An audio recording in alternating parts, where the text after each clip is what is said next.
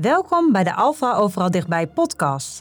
In deze podcast geven we jullie een kijkje in onze organisatie Alpha Accountants en Adviseurs. We vertellen jullie over onze klanten, over onze dienstverlening en onze ambities. Ook geven we tips met als doel om jullie te inspireren en te motiveren. Mijn naam is Annemiek Pelle en ik ben werkzaam bij Alpha in Wageningen. De afgelopen weken heb ik gesproken met mijn collega's uit de Achterhoek en uit Friesland over ondernemen in uitdagende tijden en over alles wat er komt kijken bij de overname van een agrarisch bedrijf. In deze vierde aflevering spreek ik met Jan-Dirk Berens, relatiemanager van Alfa in Langeboom en tevens melkveehouder. En we gaan het hebben over het belang van goede managementinformatie.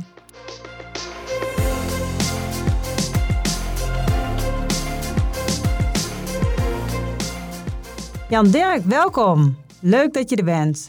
Zou jij jezelf nog eens even willen voorstellen aan de luisteraars? Ja, dankjewel Annemiek. Ik ben Jan-Dirk Berens. Ik ben woonachtig in mooie Betuwe, in plaatsje Liende. Getrouwd, drie kinderen. Uh, zoals je al zei, we hebben ook een melkveebedrijf met ongeveer 100 koeien en bijbehorend jongvee op uh, 56 hectare grond. Dat melkveebedrijf doe ik samen met mijn ouders en met mijn broer. Ik heb eerst vijf jaar in de mengvoersector gewerkt als rundveespecialist en nu alweer zes jaar werkzaam bij Alfa. Ik ben begonnen als bedrijfskundig adviseur en sinds één jaar ben ik nu relatiemanager voor ons kantoor Langeboom in het mooie Zuidoost-Brabant. Oké, een druk baasje zo te horen. Want je werkt dus bij Alfa hoeveel dagen in de week? Ik werk 28 uur en ik probeer in de winter zoveel mogelijk te werken en in de zomer uh, zo min mogelijk. Dan is ook het meeste werk thuis op het melkveebedrijf. En zijn onze klanten ook het drukste, dus dat kan uh, prachtig combineren. Kijk, goed geregeld, goed geregeld. Dankjewel. Hey Jan Dirk, we gaan het vandaag hebben over het belang van managementinformatie. En ik ben zelf wel van het principe meten is weten. En ik kan me ook wel voorstellen dat het zo werkt op het agrarisch bedrijf. Want je, wilt want je wilt als ondernemer gewoon weten hoe je ervoor staat, vinger aan de pols houden. En tegelijkertijd uh, lijkt me dat ook wel heel heftig voor zo'n agrarisch ondernemer. Want ik heb het gevoel, jullie zijn al de hele dag aan het werk. En dan moet je je ook nog met de cijfers bezighouden. En uh, Alpha die werkt met het bedrijfsanalysesysteem. En wij noemen dat kortweg uh, in de praktijk ook wel BAS. Kun jij mij en de luisteraars vertellen wat, wat BAS is? Jazeker. Nou, wij hebben onze mooie BAS-systeem, onze BAS-rapporten. Nou, BAS staat voor Bedrijfsanalytisch Systeem. Um, dat rapport, die, dat BAS-rapportage, kun je ieder jaar, ieder kwartaal of ieder maand kun je die krijgen. En het geeft heel mooi inzicht over het hele bedrijf. Dus wat zijn de opbrengsten, wat zijn de kosten, wat is het resultaat, je liquiditeit en noem maar op. En eigenlijk kun je die, die BAS-rapportages, die kun je onderverdelen in twee soorten. Je hebt de BAS-jaarrapportages en je hebt ook de BAS-kwartaalrapportages. Nou, onze BAS-jaarrapportages, die stellen we op. Uh, daar kunnen we vanaf 15 februari in het, in het lopende jaar, over het jaar daarvoor. Uh, dus eigenlijk als ondernemers willen, kunnen ze vanaf 15 februari de cijfers al in huis hebben. De BTW is dan ingeboekt, de voorraden staan erin en dan kunnen we al een mooie basrapportage draaien. En het geeft echt een hele mooie indruk hoe de afgelopen jaar hoe het gedraaid heeft. Nou, we hebben ook natuurlijk de BAS kwartaalrapportages. Nou, de naam zegt het al, die verschijnt ieder kwartaal. Dus zodra de BTW is ingeboekt, uh, kun je een BAS-rapportage ontvangen. Nou, door gebruik te maken van de BAS-rapportages zit je echt bovenop de cijfers en kun je ook snel schakelen als ondernemer.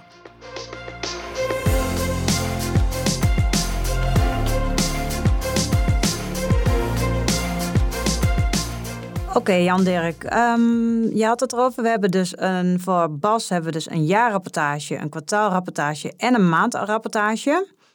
En um, hoe kan uh, de klant dan die gegevens inzien?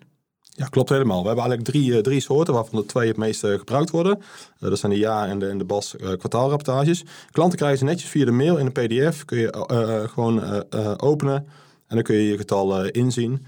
Um, we zijn momenteel ook bezig om het uh, online te krijgen, zodat je ook gewoon op je mobiele telefoon de cijfers in kunt zien. Zover zijn we nog niet, maar we zijn er wel erg druk mee bezig om dat uh, voor elkaar te krijgen. En is dat dan dat je dan 24/7 eigenlijk uh, kan kijken van hoe je ervoor staat? Ja, zodra er ingeboekt is en de getallen zitten erin, dan kun je alles, dan kun je alles inzien. Oké, okay. dus Bas, het is een, even samenvatten, het is een soort dashboard waar klanten de belangrijkste cijfers en kengetallen kunnen inzien. En kunnen ze die dan ook vergelijken met collega's in de sector? Nee, in het BAS-rapportage zit geen vergelijkingsmodule. dat hebben we bewust gedaan. De BAS-rapportage is echt van, van de ondernemer zelf. Dus zijn eigen getallen staan erin. Um, uh, hij kan wel een begroting, kan hij er nog wel inzetten. Uh, dat kunnen wij doen, maar dat kan ook, uh, ook de klant zelf doen. We hebben het eigenlijk bewust gedaan om, om, om die vergelijkingsoverzichten eruit te halen. Um, we hebben wel een los rapportage, dat noemen wij groepsoverzicht. En daar vergelijken we bedrijven die op zijn bedrijf lijken. Dus qua intensiteit of qua grootte. En daar kun je heel mooi zien van, joh, hoe doen een ander het? En uh, dan kun je ook nog aanvinken, bijvoorbeeld, ik wil vergeleken worden met de 50% beste van Alpha of de 25% beste. En je kunt hem ook helemaal klantspecifiek maken. Dus als je zegt van, joh, ik heb een melkrobot, dan wil ik alleen maar vergeleken worden met uh, agrarische ondernemers met een melkrobot. Of ik heb de keuze gemaakt om biologisch te worden. Dus ik wil uh, 30 biologische bedrijven naast mijn bedrijf hebben om goed te kunnen vergelijken. Ja, oké, mooi. Mooi. Het lijkt mij echt heel interessant um, om deze um, informatie te ontvangen uh, van je accountant. En tegelijkertijd vraag ik me dan ook wel af, um, hoe, hoe diep gaat een klant hier zelf naar kijken naar deze cijfers? Want ja, weet je, die is natuurlijk ook de hele dag bezig op zijn bedrijf. Uh, en dan komt dit erbij. En, en dan ben ik ook aan wel benieuwd, wat is dan de rol van jou als, als adviseur hierin? Ja, het verschilt. Uh, het is een goede vraag die je stelt. Het verschilt heel erg per ondernemer. En um, sommige ondernemers die vinden het erg fijn als we ieder kwartaal langskomen. Uh, meestal combineren we dat met ander werk, zoals een mesplan maken of een gecombineerde opgave invullen. Uh, en we nemen dan vaak een paar punten uit die basrapportages, uh, die bespreken we en dan gaan we ook doelen stellen. Van, hè, um, bijvoorbeeld, mijn dierraskosten zijn te hoog, wat kunnen we eraan doen om, om die dierraskosten naar beneden te krijgen? Um, dus sommige ondernemers die willen graag de basrapportage het derde kwartaal besproken hebben, of het tweede kwartaal. Omdat dan uh, bijvoorbeeld derde kwartaal, dan heb je de cijfers tot en met september uh, zitten erin. Nou, die ga je in oktober, kunnen we die bespreken. En dan heb je, het jaar is al bijna om. En dat is altijd wel een heel mooi moment om samen te kijken van... joh, er komen nog twee maanden aan. Hoe, gaan we, hoe gaat het jaar eruit zien? Moet er nog iets gebeuren? Kunnen we nog schakelen? Ehm, Bijvoorbeeld praktisch voorbeeldje. Ja, uh, bijvoorbeeld, uh, ik heb nog een hooischudder nodig. Uh, moet ik die juist op december zetten? Of kan ik die beter in januari aanschaffen? En dan kun je echt samen met de ondernemer geld verdienen. Ja, ja. Maar dan is het toch eigenlijk ook veel logischer, tenminste zou ik dan denken, om dan in ieder geval voor een kwartaalrapportage te gaan in plaats van een jaarrapportage, omdat je dan veel dichter op die cijfers zit. Klopt.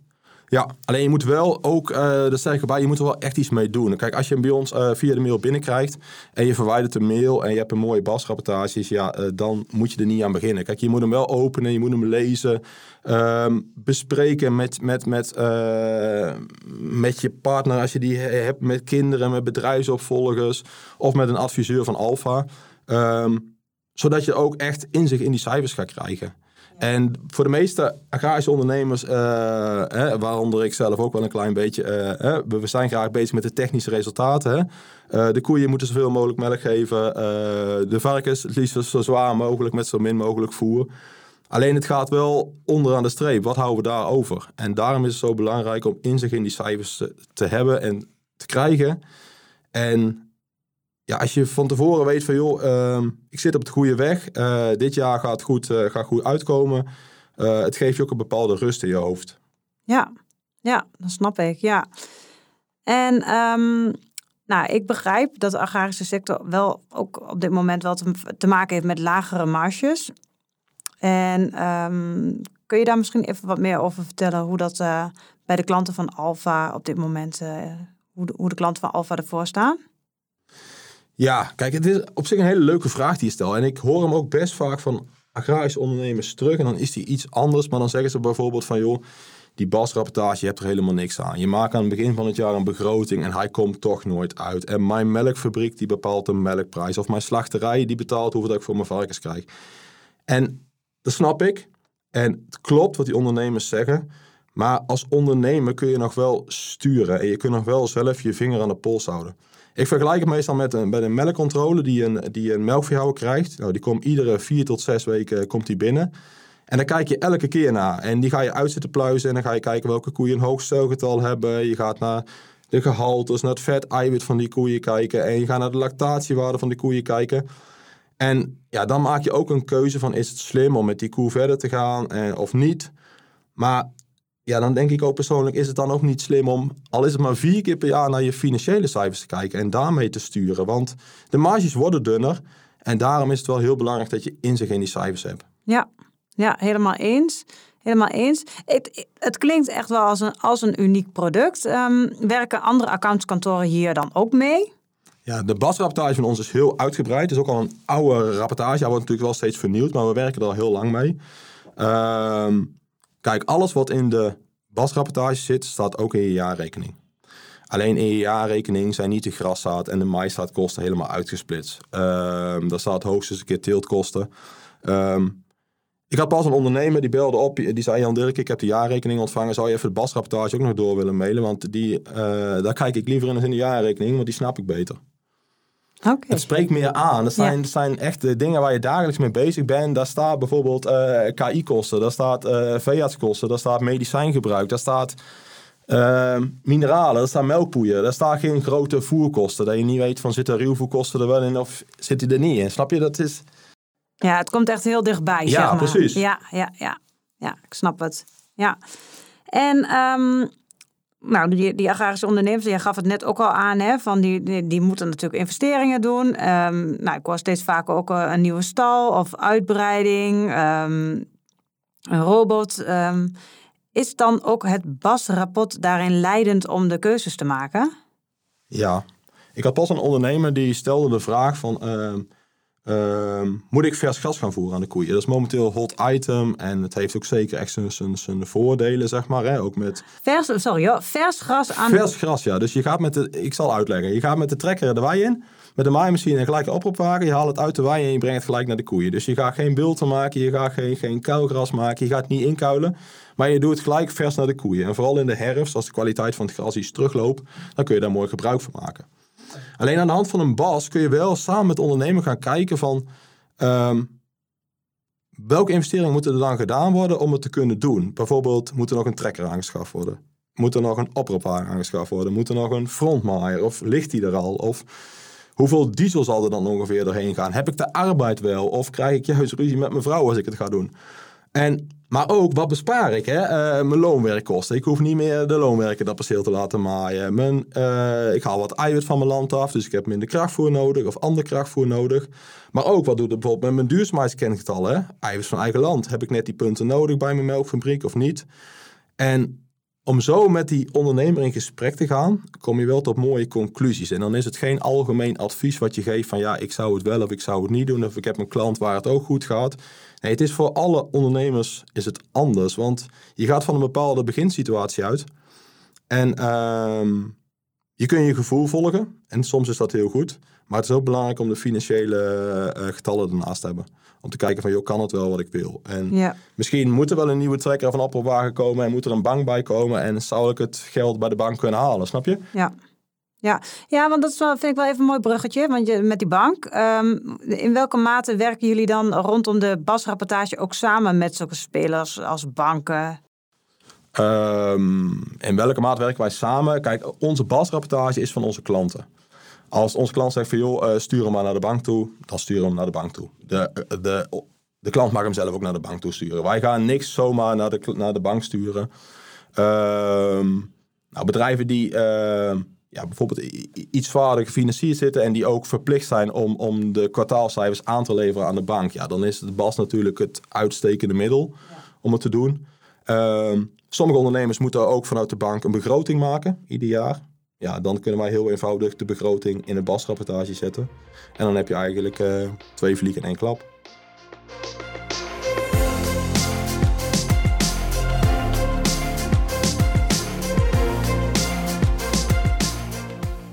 En um, nou goed, je maakt dus uh, mede op basis van uh, de kengetallen in BAS, maak je dus beslissingen. Beslissingen die misschien ook belangrijk zijn voor de toekomst. Um, maar die cijfers, hoe ver kun je dan vooruitkijken naar de toekomst met BAS? Nou, in, in de BAS kwartaalrapportage zetten we natuurlijk, kunnen we een begroting zetten. Nou, dat doe je aan het begin van het jaar en dan maak je een doorkijk naar het eind van het jaar. En dan maak je aannames. Hè. Ik verwacht dat de vleesprijs, ik verwacht dat de eierprijs, of ik verwacht dat de melkprijs zo hoog kan zijn. Dus dat is meer per jaar. Maar het allerbelangrijkste is om samen met die ondernemer en onze mooie basrapportage te sparren met de ondernemer. En met zijn vrouwen, met zijn kinderen. Um, hoe ziet de toekomst eruit? Welke kant willen we op? Welke investeringen gaan er nog aankomen?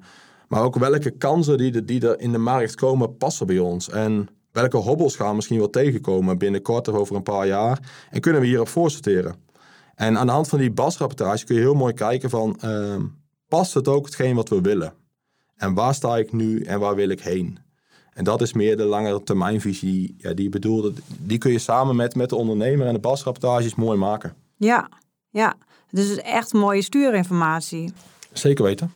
Jan-Dirk, um, jij bent zelf ook agrarisch ondernemer. Hè? Naast, je, naast je werk bij Alfa heb je zelf ook een, een heel mooi bedrijf. Um, nou, ik weet natuurlijk niet of ik jou dat mag vragen, maar uh, ben je dan zelf ook klant bij Alfa? Wil je eerlijk antwoord, Annemiek? Ja. Wij zijn geen klant bij Alfa. Oh. Bewust. Uh, ik zal het uitleggen. Uh, ik wil werk en privé een klein beetje gescheiden houden.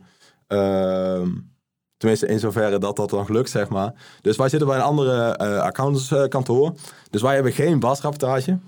Ik denk dat zal jouw tweede vraag zijn. Ja, ja dat lijkt me dan wel weer gemis, uh, ja, Dirk. Is, is het ook, maar ehm, ja, weet je, ik zit, of wij zitten zo bovenop die getallen. Ja, en we zijn er elke dag met plezier mee bezig. iedere maand weet ik hoeveel geld dat er officieel naar de dierenarts mag. Uh, en als dat meer dan 800 euro is, ja, dan ga ik ook zitten kijken van, joh, waar zit hem in? Hè? Heb ik bijvoorbeeld een keer een medicijn gekocht dat heel duur was, of de koeien ergens voor ingeënt? Maar ik weet gewoon, als ik structureel boven de 800 euro zit, dan ga ik die cent per liter melk niet halen voor, uh, voor mijn melkkoeien, zeg maar.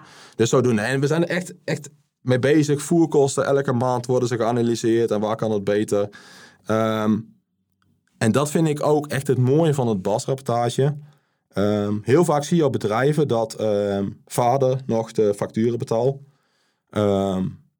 Nou, die logt dus in. Uh, die ziet elke keer het banksaldo fluctueren. Hè. Als er melkgeld binnengekomen is of je varkens afgeleverd, dan gaat hij omhoog. En heb je alle facturen weer betaald, dan, uh, hè, dan zit hij alweer een mooi eind, uh, eind richting de nul. Of soms nog wel eens eronder.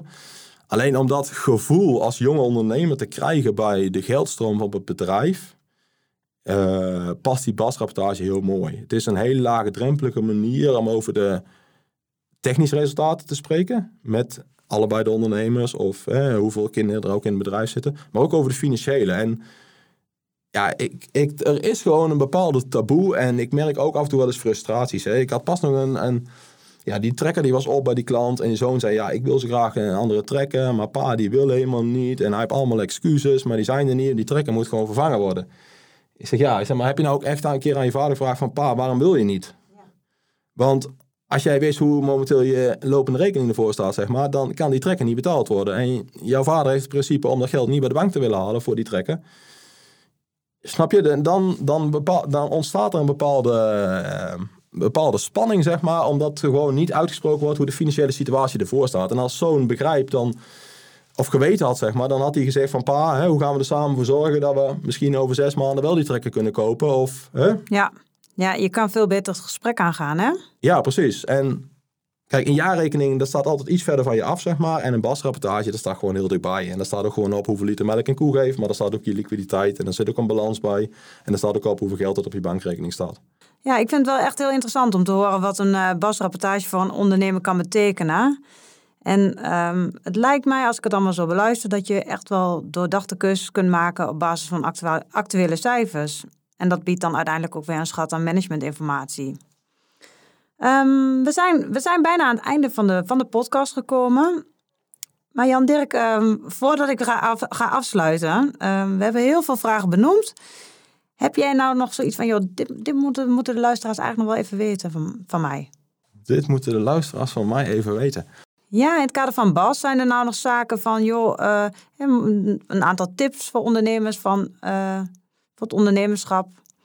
Ja, sowieso bespreek het met je, als je nog geen gebruik van maakt, bespreek het eens met je accountant. En of dat je nu bij Alpha zit, misschien mag ik niet zeggen of je zit bij een andere accountant. Uh, kengetallen geef gewoon zoveel inzicht en doe het nu gewoon. Uh, vraag er eens na, laat zo'n ding eens een keer opstellen ehm, en kijk er goed naar. En bespreek hem samen met je adviseur.